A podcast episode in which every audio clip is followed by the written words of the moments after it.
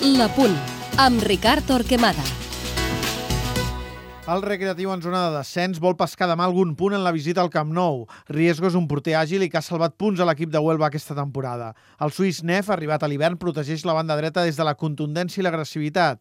A l'eix de la defensa torna Arso, lesionat a l'últim mes, per donar sortida de pilota i combinar-ho amb la velocitat i l'explosió correctora del sud-africà Morris. A l'esquerra, Poli se sent més còmode amb la pilota que defensant i és vulnerable l'un contra un.